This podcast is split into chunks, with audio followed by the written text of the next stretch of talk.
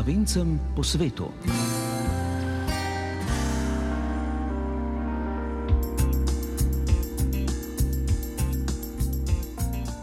Lepo pozdravljeni, dragi prijatelji naše oddaje, tako na tujem kot doma.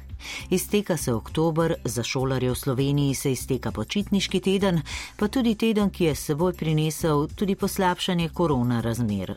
Tudi v Romuniji, kjer že štiri leta biva in dela lektorica slovenskega jezika Katarina Dovč, so se v zadnjih tednih razmere povezane s pandemijo precej poslabšale, tako da se je tudi študijsko leto v Bukarešti začelo nadaljavo.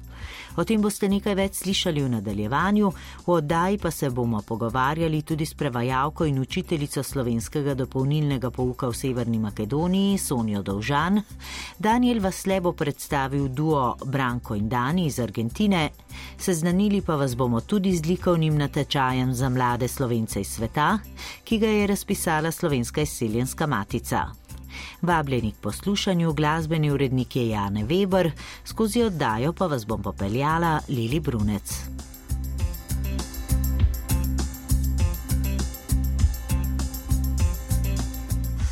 Začenjamo v Romuniji, kjer je zadnja štiri leta delovno mesto in domovanje lektorice slovenščine na Univerzi v Bukarešti Katarine Dovč kako se je navadila na življenje v romunski prestolnici, kako je osvojila romunski jezik in kako teče njeno delo na univerzi v spremenjenih korona razmerah, ki so se tudi v Romuniji v zadnjih tednih precej poslabšale, je pripovedovala v naslednjem pogovoru. Zelo mi je priraslo k srcu tole mesto, moram reči. Je tako veliko, torej zanimivo, ima ogromno enih dogodkov, ne? vsaj v času pred korono tudi jezik moram reči, da mi je zelo všeč, se ga z veseljem učim, tako da je samo dobro.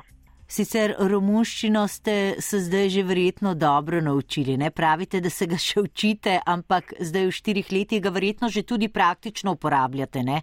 Ja, mislim, da se tujega jezika ne nehamo učiti. Ne vem, če kdaj lahko pridemo do neke stopnje, ko lahko rečemo, da znamo že vse, a ne kot naravni govorci. Seveda po štirih letih še zdaleč, torej nisem še blizu kakšnega um, dobrega znanja, bi rekla. Ampak ja, seveda, v vsakodnevni rabi ga um, lepo uporabljam, bi rekla, ljudje me razumejo. Ponosna sem tudi na to, ko me včasih kdo po petih minutah vpraša, aha, nisi romunka, ne, to se mi zdi tako fino. Ampak uh, ja, absolutno se učim, seveda se mi zdi to logično, če živiš v tuji državi, je najbolje in tudi najlažje priti v stik z ljudmi, ki tukaj živijo, z jezikom njihovim.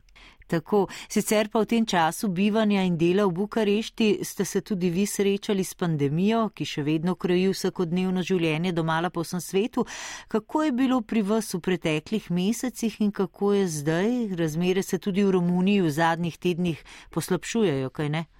Moram reči seveda, da ja, sredi oktobra smo izvedeli, da je bilo v bistvu največ smrti dnevno, torej mislim, da je bilo 560 smrti dnevno in potem so tudi sprejeli zdaj po tem dnevu, to mislim, da je bilo okrog 20. oktobra, malo strožje ukrepe, tako da so zdaj eh, zaprli več eh, stvari, tudi eh, omejili vstop, pač seveda z certifikatom, nočni izhodi so omejeni za ljudi, ki niso cepljeni in tako naprej. Ampak vseeno jaz seveda nimam občutka, da je zelo tragično, namreč delam od doma, hodim pač vem, v trgovino na sprehod, mogoče na kakšno kavo, ko je sonce, ampak sicer pa nisem prav veliko naokrog, tako da sploh ne, nimam občutka, da bi bilo kaj grozno tragičnega tukaj. Razen slišim protestnike, ki jih je pa kar precej in se zbirajo zdaj enkrat na teden in so tudi zelo glasni, tako da to pa, no, to pa je nekaj recimo novejšega. No, sicer pa tudi v preteklih mesecih je bilo pri vašem delu nekako vse povezano s pandemijo, ne?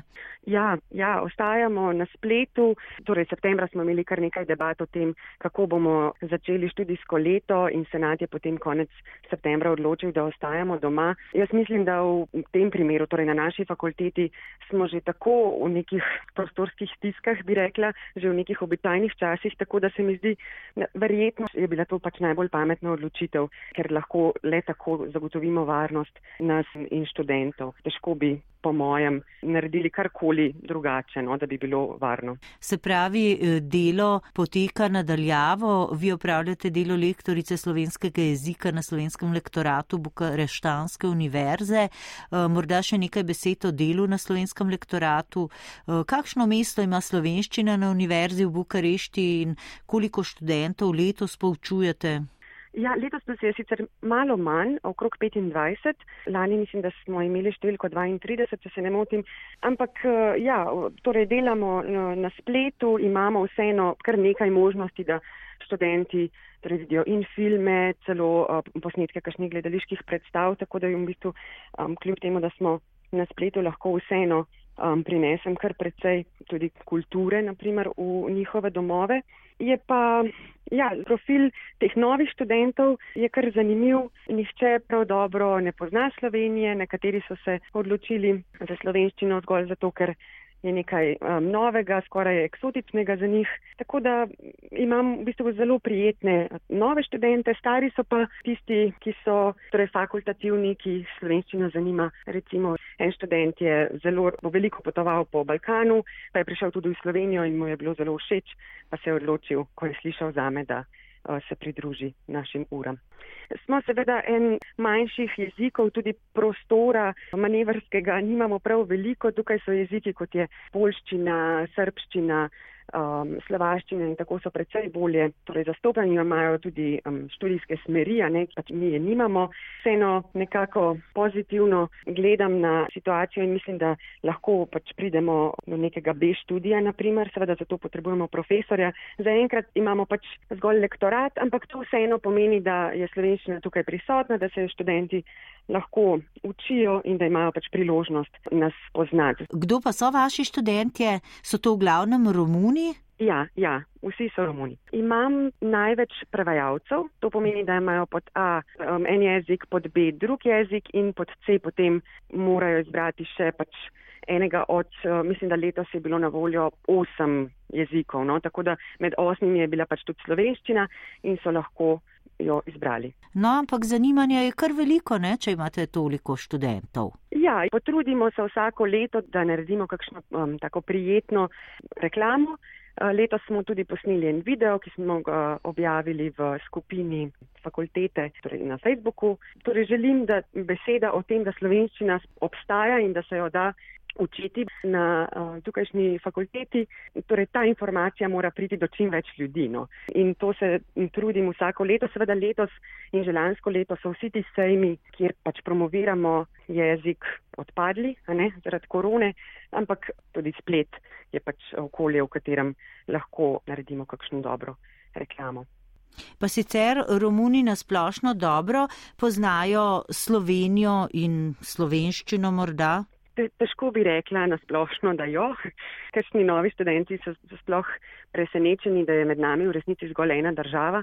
Ne, če grem domov, grem pač čez Mačarsko, torej so, so presenečeni, da smo tako blizu, ampak eh, nekateri jo pa poznajo, no, predvsem v okviru, naprimer, nekdanje Jugoslavije ne, in tega prostora, tako da tisti, ki se za ta prostor bolj zanimajo, seveda, absolutno Slovenijo poznajo. Na okviru slovenskega elektorata pripravljate tudi številne projekte in dogodke zdaj v času pandemije morda malo manj, pa imate tudi letos oziroma do konca leta še kaj v načrtu, pripravljate kakšen dogodek za študente oziroma s študenti?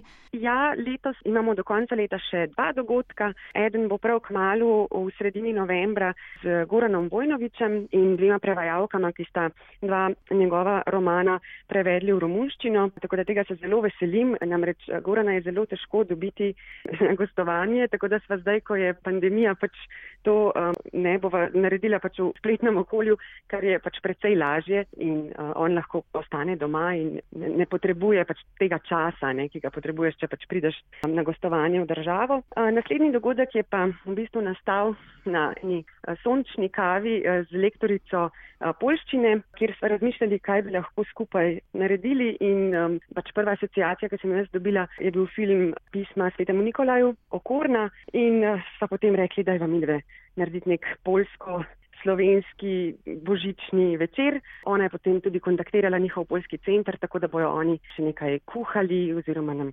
pripravili eno tako gurmansko eh, poslastico in se tudi tega prav veselim. To bo enkrat na začetku decembra. Torej, tudi na ta način eh, boste nekako približali Slovenijo svojim študentom. Verjetno se pa teh dogodkov deležijo tudi kakšni slovenci živeči v Bukarešti, kaj ne? Ja, seveda, vsi so vedno vabljeni, torej v sodelovanju z ambasado pripravljamo več uh, dogodkov in uh, vsakokrat so povabljeni tudi slovenci. Kar nekaj slovencev nas je, koliko jaz vem, nas je nekaj čez 20. Zelo veliko se družimo, sploh recimo ob kakšnih Eh, praznikih, ob dogodkih, ki jih organizira ambasada. Letos smo tako praznovali 30. obletnico Slovenije. Dogodek smo imeli konec septembra, ko je bilo še dovolj toplo, da smo bili lahko v nekem takem prijetnem vrtu. Če bo do okoliščine dovoljevale, se vidimo tudi decembra ponavadi za ta božič, za neko tako novoletno recimo zabavo. Sicer pa se tudi tako v zasebnem življenju kar podružimo. No in to je tudi nekakšen stik z domovino, ne Slovenijo, tako službeno kot zasebno imate vi dobre stike s Slovenijo, sicer pogosto potujete v Slovenijo, zdaj v času pandemije so bile te poti kar otežene, verjetno, ne? Ja, nažalost res. Jaz sem potem, mislim, ko lani decembra nisem mogla priti domov z letali, ker so mi tri leta odpovedali zaporedoma, sem se potem odločila za nakup avtomobila, tako da zdaj potujem, kot sem prej omenila, preko Mačarske in je to ena taka dolga pot do Slovenije, ampak še vedno grem, no, potrebujem dom in potrebujem um, počitnice doma, tako da kljub temu, da se ne da zdaj tako veliko potovati, vseeno pač ko lahko grem. No, romunska kultura pa tudi kulinarika se verjetno kar precej razlikuje od slovenske. Pogrešate vi kaj slovenskega v Romuniji? No, najbolj pogrešam jaz naše hribe. Ne bi zdaj rekla, da v Romuniji manjka hribov, ne, ampak pa če živimo v Bukarešti, ki je pretežno betonska. Zdaj, kar se kulinarike tiče, jaz kar kuham doma. Če grem ven, lahko dobim tudi kakšne sarme, ne, ki so tudi malo naše, bi rekla, kakšno polento, tako da kar se tiče kulinarike, mi nič kaj takega ne manjka, se pa seveda veselim kakšnih nedeljskih kosil z družino. Ja, pa verjetno tudi kakšno družbo, no, predvsem družbo, ne pa toliko nekih povem, materialnih stvari. No, kaj pa slovenska glasba? Si zavrtite kakšno slovensko tudi v Bukarešti? Ja, zavrtim jo zase, zavrtim jo za študente. Absolutno glasba se mi zdi, da je nekaj takega, kar nas zelo veže ne, na neke prostore, neke občutke, neke mogoče v nostalgijo, tako da Eh, je absolutno prisotna vsakodnevno. Imate kakšno eh, najljubšo slovensko melodijo, morda, da vam jo zavrtimo v naši oddaji in vam jo pošljemo prek radijskih valov v Romunijo?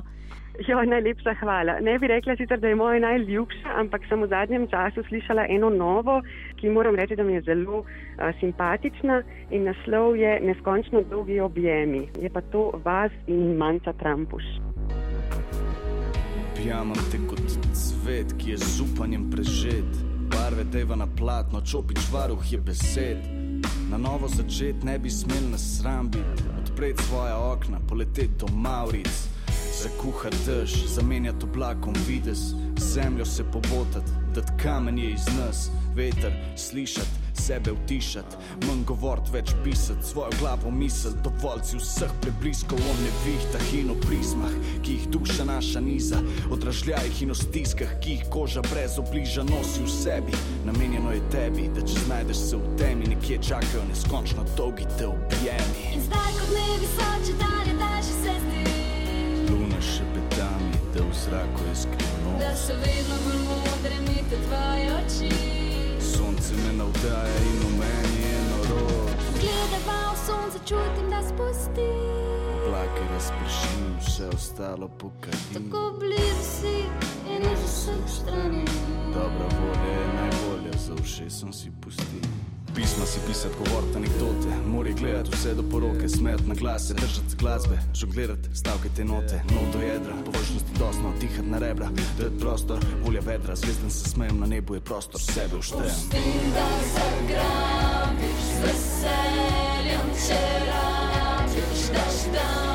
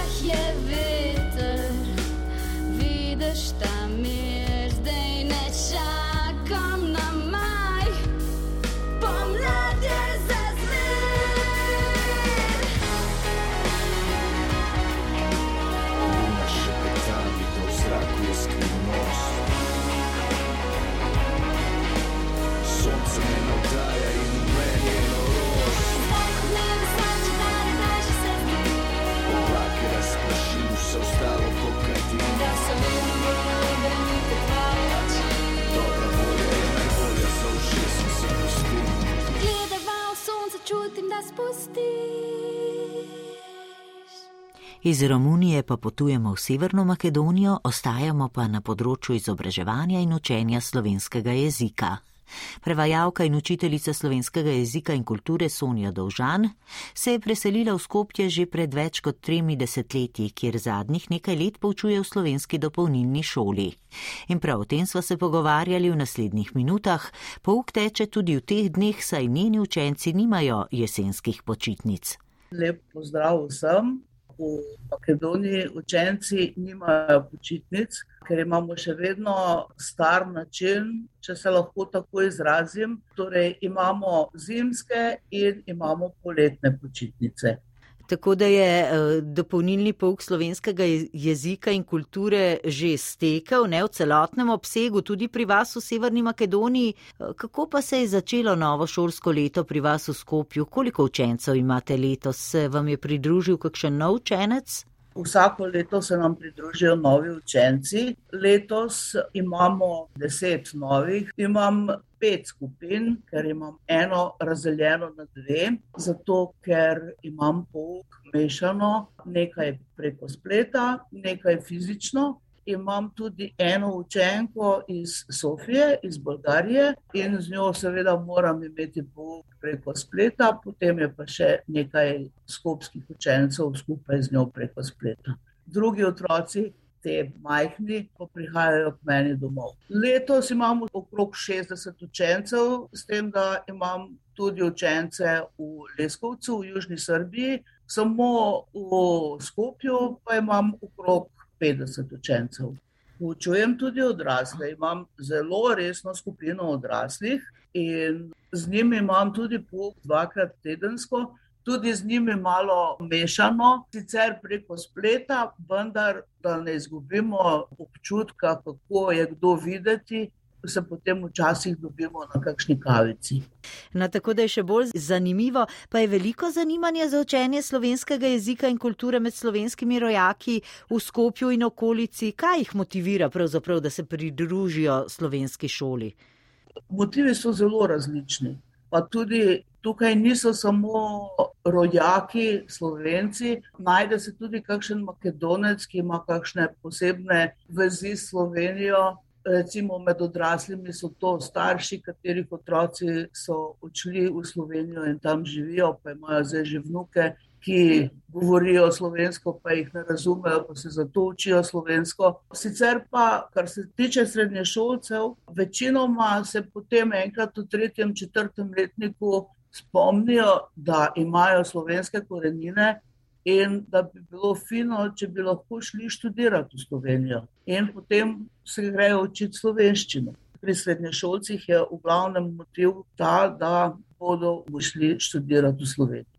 Sicer pa poteka pouk eh, pri vas v slovenski šoli nekoliko bolj sproščeno in tudi specifično, ne, če bi ga primerjali s poukom v Sloveniji. Ja, vsekakor, ker to je vsekakor dopolnilna dejavnost in ne dajemo cen zato sem zelo, zelo hvaležna, ker mi ni treba dajati ocen, ker res lahko potem drugače sodeluješ z udeleženci. Naučiti se moramo vsega. To ni samo pouk slovenskega jezika. Naučiti se moramo od geografske lege do številk v Sloveniji, velikost, koliko prebivalcev ima, potem naravne lepote poslušamo tudi glasbo, učimo se o običajih, naprimer, ravno kar se pripravljamo na Martinovanje. Torej, vse, kar je zanimivega v Sloveniji, vse to pa prepleteno z jezikovnimi vajami, tako da veliko izvajo praktičnih stvari, obenem pa se tudi praktično učijo slovenske slovnice. Sicer pa vi poučujete ja. tudi v sosednji Srbiji, ste rekli, kako pa je tam. Ja, tam je pa situacija popolnoma drugačna glede obiskovanja. V Makedoniji, kot sem rekla, večinoma poučujem preko spleta, v Leskovcu, v Srbiji, pa pouk preko spleta sploh ni zaživel. Prihajali so zelo neredno, niso se preveč trudili, da bi prišli. Zdaj pa, ko lahko spet grem vsako drugo soboto v Leskovac, imam vedno od 8 do 10 uh, udeležencev in sicer skupina je mešana, od najmlajšega, ki je v drugem razredu, do najstarejšega, ki je star 77 let. To je pa zares zelo pestra, heterogena skupina. Gospa Dovžan, sicer pa vi v okviru pouka potem pripravite tudi različne projekte, kaj ne, povabite tudi kakšne goste oziroma poskrbite, da se otroci s svojim znanjem, ki so ga pridobili pri pouku, tudi predstavijo na različnih kulturnih prireditvah. Večinoma so naše prireditve v okviru dopolnilnega pouka. Sicer sodelujemo z obema društvoma v Skopju in z društvom v Leskovcu, vendar poskušamo ohraniti nekakšno samostojnost, kajti želimo, da mi, ko delamo proslavo, jo delamo sami. Tako da mi sami organiziramo za vse praznike, organiziramo proslave, če pa nas povabijo iz slovenskih društev, da sodelujemo na njihovih proslavah, pa seveda z veseljem sodelujemo. No, sicer pa slovenska skupnost v Severni Makedoniji ni prav velika, kaj ne? Po mojih informacijah naj bi bilo v Severni Makedoniji okrog tisoč slovencev. No, gospa Sonja Dovžan, vi sicer že vrsto let živite v Skopju. Kdaj in kako pa je vas zaneslo v Severno Makedonijo? Kako ste se prvič srečali s to državo in kako se je pravzaprav začela ta vaša makedonska zgodba? Ja, takrat, takrat še ni bila Severna Makedonija, ampak je bila Republika Makedonija v okviru Jugoslavije. Jaz sem takrat delala v Ljubljanski Astri, vele trgovini, ki je imela predstavništva po vsej Jugoslaviji. Delala pa sem za predstavništvo Skopje in predstavništvo Priština. Takrat smo se začeli spoznavati, nekajkrat sem morala iti službeno v Skopje. In potem se je zgodilo, da je tajnica, ki je bila tudi slovenka, da se je odločila, da se bo vrnila v Slovenijo, in kar naenkrat niso imeli na tem delovnem mestu nikogar. Dogovorili smo se, takrat sem bila mlada in ni bil noben problem, da zamenjaš delovno mesto, da zamenjaš kraj, kjer živiš. In dogovorili smo se, da grem za nekaj časa v Makedonijo. Potem je pa to kar ostalo. Sicer sem se vračala v Slovenijo, določena obdobja v življenju preživela v Sloveniji, vendar sem se nekako našla v Skopju in ostala okrog 35 let. No, in eh, verjetno se je tudi v vseh teh letih eh, vašega bivanja v Severni Makedoniji tudi marsikaj spremenilo, tudi v Skopju, kaj ne? Seveda. Najprej jasno se je za vse nas spremenila država, ime države, ampak tudi sama ureditev države. Iz ene od jugoslovanskih republik je Makedonija postala samostojna država. Makedonija nekako, nekako ji ni uspelo uh, priti v Evropsko unijo in tudi sprememba imena. Tako da smo dobili novo ime, Severna Makedonija. Spremenilo se je tudi življenje, jasno, vplivi iz, iz sveta prihajajo tudi v Makedonijo. Tako da, če danes pridete v Skopje, je Skopje kot vsako veliko mesto z milijon prebivalci, um, lepi avtomobili, grdi avtomobili, veliki trgovski centri, revščina, torej vse, kar prinaša eno vele mesto. Imamo veliko kulturnega bogatstva, tako Skopje, kot tudi Severna Makedonija. Zadnje čase imamo tudi kaj pokazati novega, ker je prejšnja vlada zgradila tako imenovan projekt Skopje 2014, ki predstavlja nekakšno zahodnoevropsko kuliso, tako da, ko slovenci pridejo v Skopje, rečejo: Joj, pa vse tukaj je skoraj tako kot pri nas. Kaj pa na vas ah. naredilo največji vtis v Skopju? Ja, name, ko sem prvič prišla, jaz imam zelo rada tržnice. In ko sem prvič prišla v Skopje, sem čisto po intuiciji takoj našla uh, največjo tržnico, ki se imenuje Bitpazar. Najbolj me je pritegnila vsa ta pisanost. Ko sem prišla, to je bilo maja, jasno, to je najlepši čas v skupju. In tam je bilo vsega, sadje, zelenjava, vendar ne samo to, tudi tkanine. Uh, izdelki, uh, ročne obrti, vse, vse se je presipalo, kot kakšen rok ubilja. In prvi vtis je bil res ta, tisti najmočnejši. Jasno, potem tudi to, da, da, da je življenje precej sproščeno, da lahko vsaj pred pandemijo smo lahko šli tudi še v polnoči ven, pa tudi toplota, poletje je zelo toplo. Veliko stvari je, ki pritegnajo. No, vi ste sicer tudi prevajalka, ste makedonščino že obvladali, ko ste prišli v Makedonijo ali ste se jo potem kasneje naučili? Ja, to je precej zanimiva zgodba. Ko sem prvič prišla, je še nisem obvladala, vendar sem se potem upisala na Ljubljanski filozofski fakulteti na študij hrvaškega, srpskega in makedonskega jezika. Tako da sem recimo, najprej sem se kar tako mimo grede naučila makedonščine, potem pa sem to še uradno potrdila na fakulteti ste tudi prevajalka.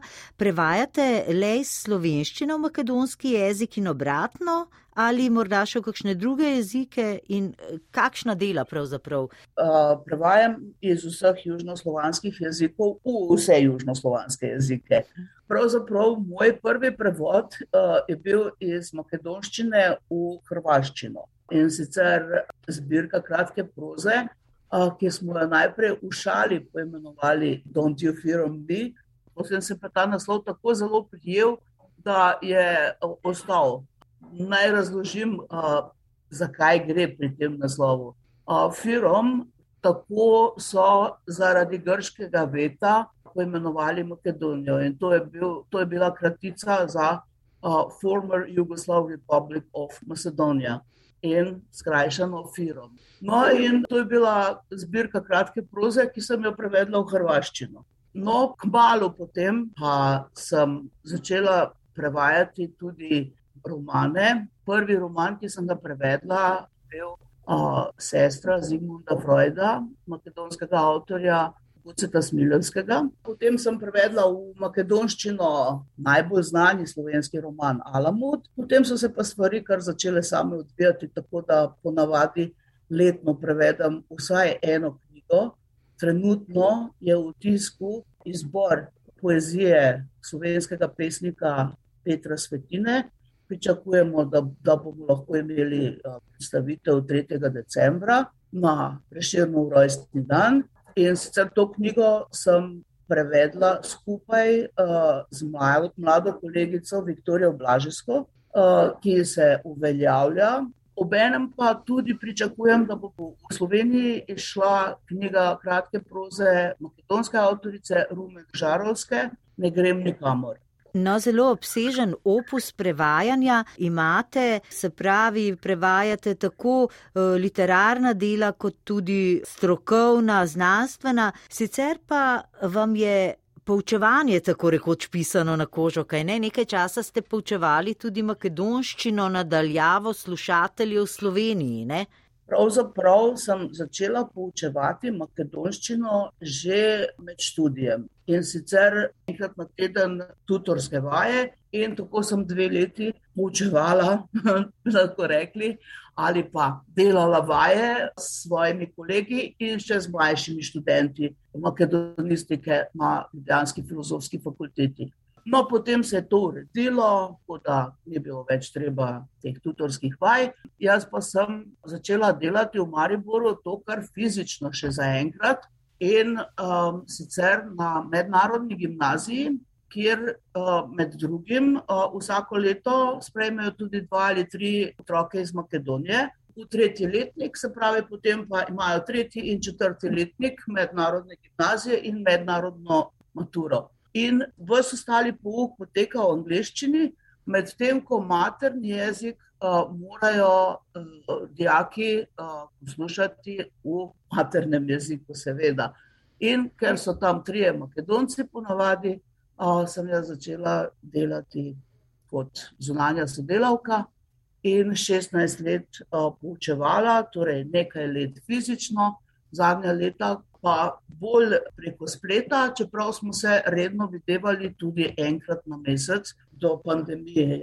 Pa sicer Slovenijo v Skopju kaj pogrešate, pogrešate kaj slovenskega? Ja, a veste, pogrešam marsikaj, pogrešam svoje domače, pogrešam tisto pristno kar, kar lahko doživiš samo v Sloveniji, ampak saj pridem, pa potem uh, to nadoknadim. Jesensko listje že, moje poti zlati, dolino moje pomladi. Spomin pa ne bledi, za me enaka si, leti si v moji baladi. Tudi jesen je čas za ljubezen, tudi pod listjem roža lahko vzcveti. Zato verjemi, podaj mi spet roko, da preživiva skupaj teh nekaj dni.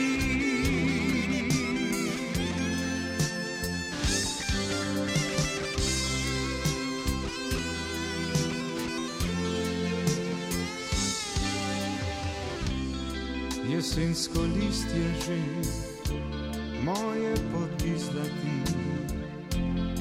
dolino moje pomladi. Spomin pa ne gledi, za me enaka si, leti si v moji baladi. Tudi jesen je čas za ljubezen, tudi pod listjem roža lahko vzcveti. Zato verjemi mi, podaj mi spet roko, da preživiva skupaj teh nekaj dni.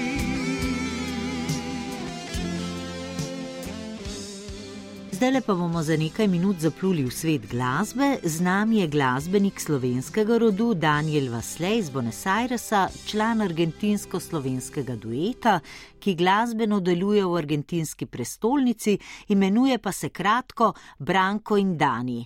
Gospod Daniel, lepo pozdravljeni. Najprej bi vas poprosila, če lahko malo predstavite vaš glasbeni duet, kdo sta ustvarjalca glasbe, kdaj je nastal ta duet in kakšno glasbo igrate. Zdravo, Lili, sem poslušalcem. Ja, Branko in Dani, pa Branko Marinič in Daniel Vasle in je argentinsko-slovenski duo srečen v Buenos Airesu. Oba sta potomca slovencev, ki so prišli v Argentino po drugi svetovni vojni. Duo predstavlja letos nove lastne pesmi. Prva izdaja je pesem imenovana Otroštvo in govori o starejši osebi, ki je pustila rodni kraj v otroških letih in se zdaj spominja melanholično na ta dogodek. To je naš projekt, ki smo prejšnjo leto začeli. Ne? Ja, Branko je pevec, jaz sem pa kitarist duo in je rock-pop duo, bi rekel. Ne? Pesmi so, ja, rock-pop. No, sicer pa uh, tudi Argentino je pandemija kar močno prizadela. Kako ste ustvarjali med pandemijo? Kako je duet Branko in Dani deloval med pandemijo? Ja, ja mi smo bili del skupine Zlatorotevla skupina, ki je delovala med leti 2011 in 2017 v Argentini, med slovensko skupnostjo. In skupina tudi je leta 2013 potovala v Slovenijo in nastopila na festivalu Dobrodošli doma. Smo igrali na kongresu in trgu. Leta 2015 je skupina nastopila z Vladom Kreslinom na njegovo turnejo po Argentini. Potem je šla na ta skupina, ampak leta 2020 pred pandemijo sva začela vaditi kot duo, da bi nastopila v različnih slovenskih domovih tukaj v Argentini in izvajala slovenske pop pesmi. Ne? Ampak pandemija je preprečila naše načrte. In v domačem studiu začela snemati pesem in naj bi se pojavila na 51. virtualnem pesko-glasbenem večeru tukaj v Argentini. To je pesko-glasbeni večer, ki vsako leto v slovenski argentinski skupnosti v Argentini. Ampak seveda, kot je bila pandemija, to je bilo virtualno. Tam sva predstavila posnetek vse tega, pesem Zala Kreslina na YouTube, na kanalu Dua in Zala Kreslin pa ga je delil na svoji uradni Facebook strani. Ne? koncu leta smo se pa predstavili na ministrstvu za slovence po svetu, da bi dobili podporo in nove lastne pesmi snimali profesionalno in smo dobili podporo in smo snimali štiri lastne pesmi in eh, dve pridrle. Ena od Sidarta, druga pa od Čukov. No, pa ste vi tudi profesionalni glasbenik sicer ali opravljate kakšen drug poklic uh, v Argentini? Muska zame je hobi, jaz sem inženir in eh, delam privatno. Ne? Toda muska je moj hobi. Kje ste pa sicer pridobivali glasbeno znanje? Ja, to sem, tam sem čutil kakšen profesorjem, jaz igram kitare že par let, prva pesem, ki je otroštvo, ki govori o te starejši osebi. Sem pa prejšnjo leto našel en stari računalnik, kjer je bil en intervju, ki sem naredil 15 let nazaj mojemu detku, ki je govoril sloveni o otroštvu. Ne? In tam je prišla ideja za to pesem. Vi ustvarjate tudi besedila in sicer v slovenskem jeziku, kaj ne? Ja, so, so pesmi v slovenskem jeziku, jaz sem avtor pesmi in ja, ja, poleg glasbe tudi veseli moja. No, zdaj rojeni ste v Argentini slovenskim staršem, pa vendarle je za vas težko ustvarjati v slovenskem jeziku, glede na to, da ste odrasli in se šolali v argentinskem okolju in tudi delate in bivate v okolju, kjer je vaš prvi jezik vendarle španščina. Ja, naš prvi jezik je v mojem slučaju slovenščina, ker moji starši so začeli. Eh, prvo, da so me naučili slovenščino, in jaz sem se potem naučil španščino v šoli. Ne? Toda, seveda, ne govorimo vsak dan, seveda, končen, koncu je naš prvi jezik španščina, ker v praksi govorimo 95% časa španščino, ampak seveda slovenščino obvladamo in ja, ne vem, če bo težko ali bo lahko. Jaz mislim, da če moraš pesem napisati, moraš imeti idejo in potem o čem želiš pisati in potem pa seveda začeti obračati te vesele, ne, seveda da pašejo, velikrat tudi morajo imeti rimo, ne. Mislim, da je treba imeti konkretno idejo in čas. In potem vse steče. Kaj pa vas motivira pri ustvarjanju? Odkot črpate navdih za ustvarjanje, za pisanje besedil?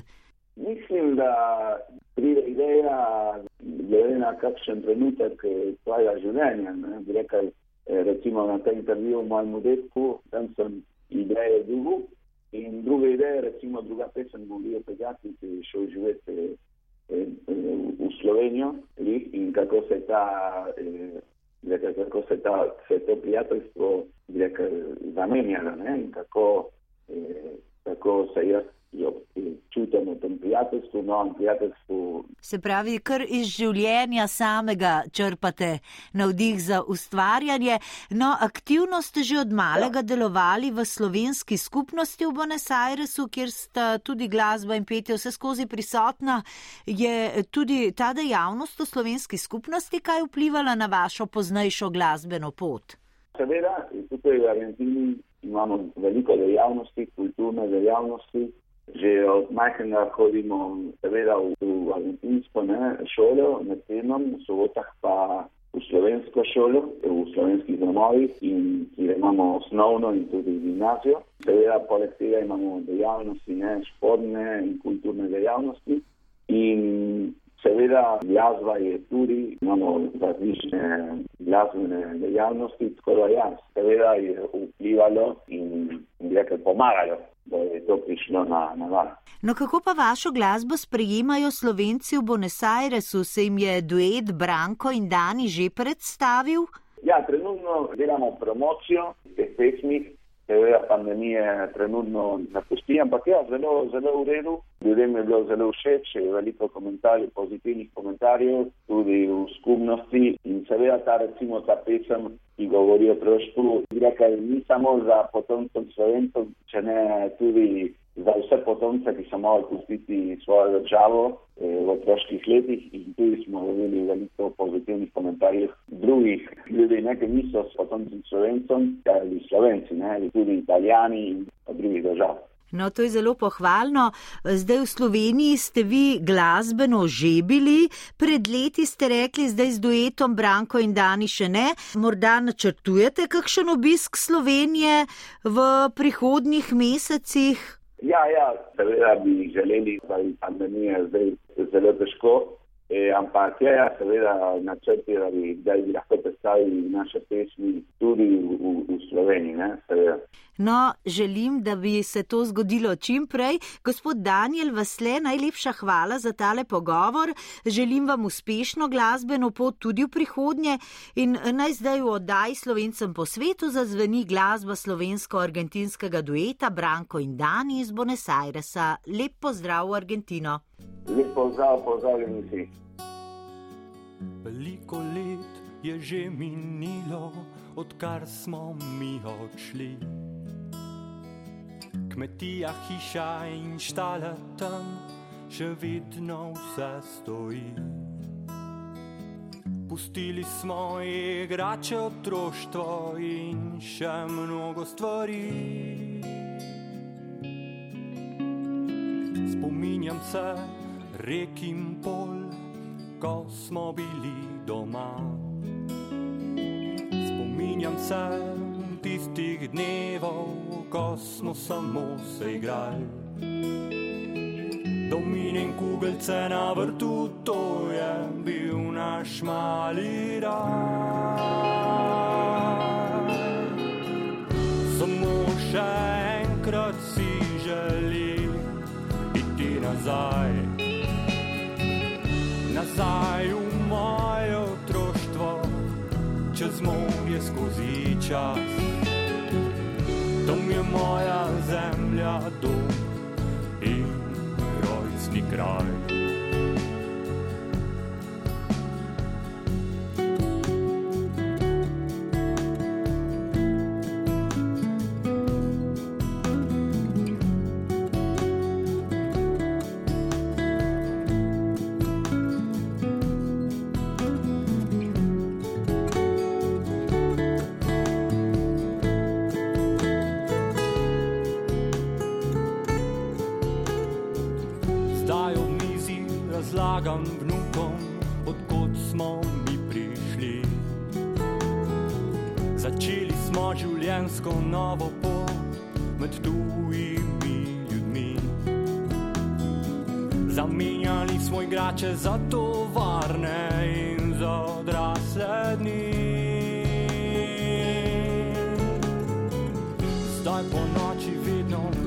Premišljujem o tistih, ki so odšli.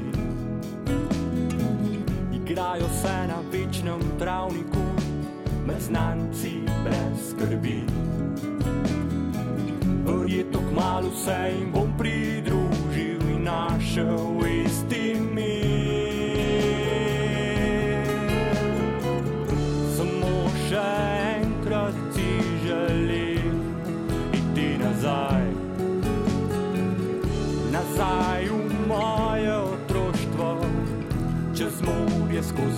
skozi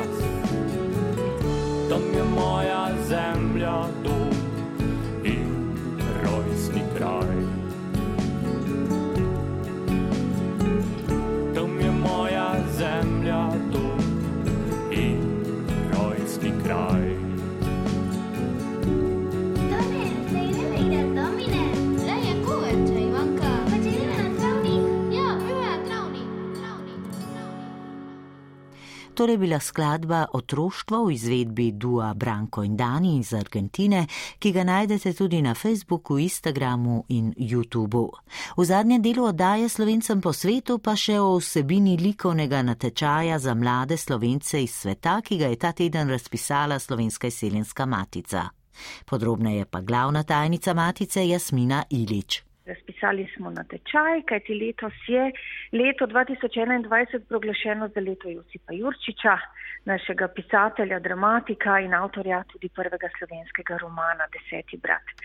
Vsako leto oziroma v preteklih letih smo imeli vedno poletno šolo za otroke In sicer je bila to tudi likovna poletna šola, seveda v relaciji z učenjem slovenščine, ker pa to zdaj že drugo leto zapored nismo mogli organizirati, smo se odločili, da pa vseeno z našimi mladimi ostanemo nekako v povezavi in smo razpisali likovni natečaj in sicer za vse tiste, ki nekako še vedno obiskujejo pouk slovenščine v tujini, čeprav to ni pogoj za udeležbo na tem natečaju do starosti 16 let in sicer ilustracijo zgodbe Kozlovska sodba v Višnji gori, ki je nekako primerna tudi za mlade. Se pravi, do 16 let mladi slovenci po svetu lahko sodelujejo na tem eh, natečaju. Kakšne risbe, tehnike pa naj ustvarijo in pošljajo na vaš naslov? Osnova je risba, ali bodo risali s svinčnikom ali z barvicami ali z voščenkami. Torej, ne slika risba. Zbrali smo pa to tehniko zato, ker lahko ilustrirajo določen del zgodbe ali pa se odločijo in narišejo strip. To je pa potem seveda z barvicami, voščenkami lažje, kot pa z nekimi temperami ali pa vodenimi barvicami. Tako da ali risbo enega dela te zgodbe ali pa se odločijo za strip, s tem, da je možnost tudi to, da mladi, ki obiskujejo pok sloveščine, se mogoče dogovorijo in potem skupaj narišajo en strip od začetka te zgodbe do konca. Tako da me prav zanima, kako se bodo odločili in kaj bomo vse dobili na naš naslov. Se pravi na temo kozlovske sodbe v Višnji gori naj naredijo risbe, sicer pa tehnične podrobnosti, na kako velike formate. To je na velikost papirja A4. To je na navadno velikost papirja, ker jih prosimo, da nam to tudi pošljajo in je to potem tudi za pošiljanje nekako najlažje, najbolj primerno. Kakšni pa so sicer pogoji za sodelovanje? Nekaj sva že omenili, starost do 16 let. Pravzaprav je to edini pogoj, starost do 16 let, da so v bistvu naši rojaki, ki živijo v tujini, to pomeni po svetu ali v zamejstvu, ne? torej ne živijo v Sloveniji, preberejo zgodbo Kozlovska sodba v Višnji gori ali jo preberejo sami ali s pomočjo staršev pri pouku slovenskega jezika oziroma dopolnilnega pouka slovenščine se odločijo, na kakšen način bodo to zgodbo ilustrirali, narišejo in potem eh, pošljajo na Združenje Slovenska izseljenska matica Linhartova 13 Ljubljana s pripisom za likovni natečaj. Dokdaj pa morajo deleženci natečaja poslati svoje do, stvaritve do na vaš naslov? Do 10. decembra smo se nekako odločili, zato ker bi radi potem do konca leta vse te risbe, vse te stripe pripravili in jih objavili tudi na naši spletni razstavi, na spletni strani Seljenske matice in na naši Facebook strani. Ko se dela dan po tuji cesti samo odhaja, s tujimi ljudmi, nihče od njih me nič ne vpraša. Kaplje držja samo, mi govori kot nekoč doma. In pod strehami spet lastovka vedri. Leti,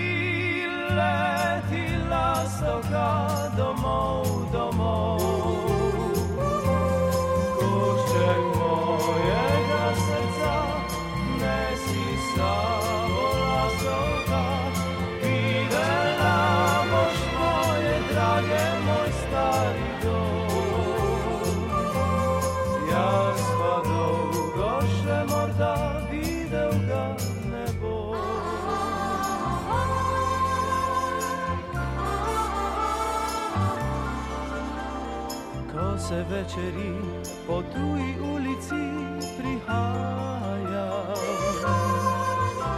v sobico, kjer me nikoli več nihče ne čaka. Zvezde le svetijo, iste kot svetile so doma. In nad strehami spet lastovka leti. Leti, leti, lastovka domov, domov. Košek mojega srca nosiš samo lastovka. Moji dekli si povej,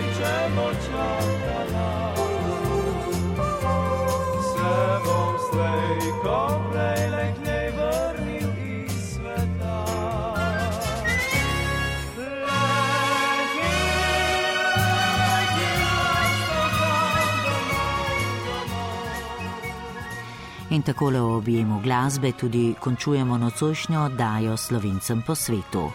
Pripravila sem jo Lili Brunec, za glasbeni okvir je poskrbel Jane Weber in za tonsko podobo Ojon Črgan. Oddajo lahko ponovno poslušate na spletni strani Radio 1, dostopna pa je tudi v podkastu. Želimo vam prijeten konec tedna, pazite nas in vabljeni v našo družbo spet prihodni petek. Lep večer še naprej in lahko noč.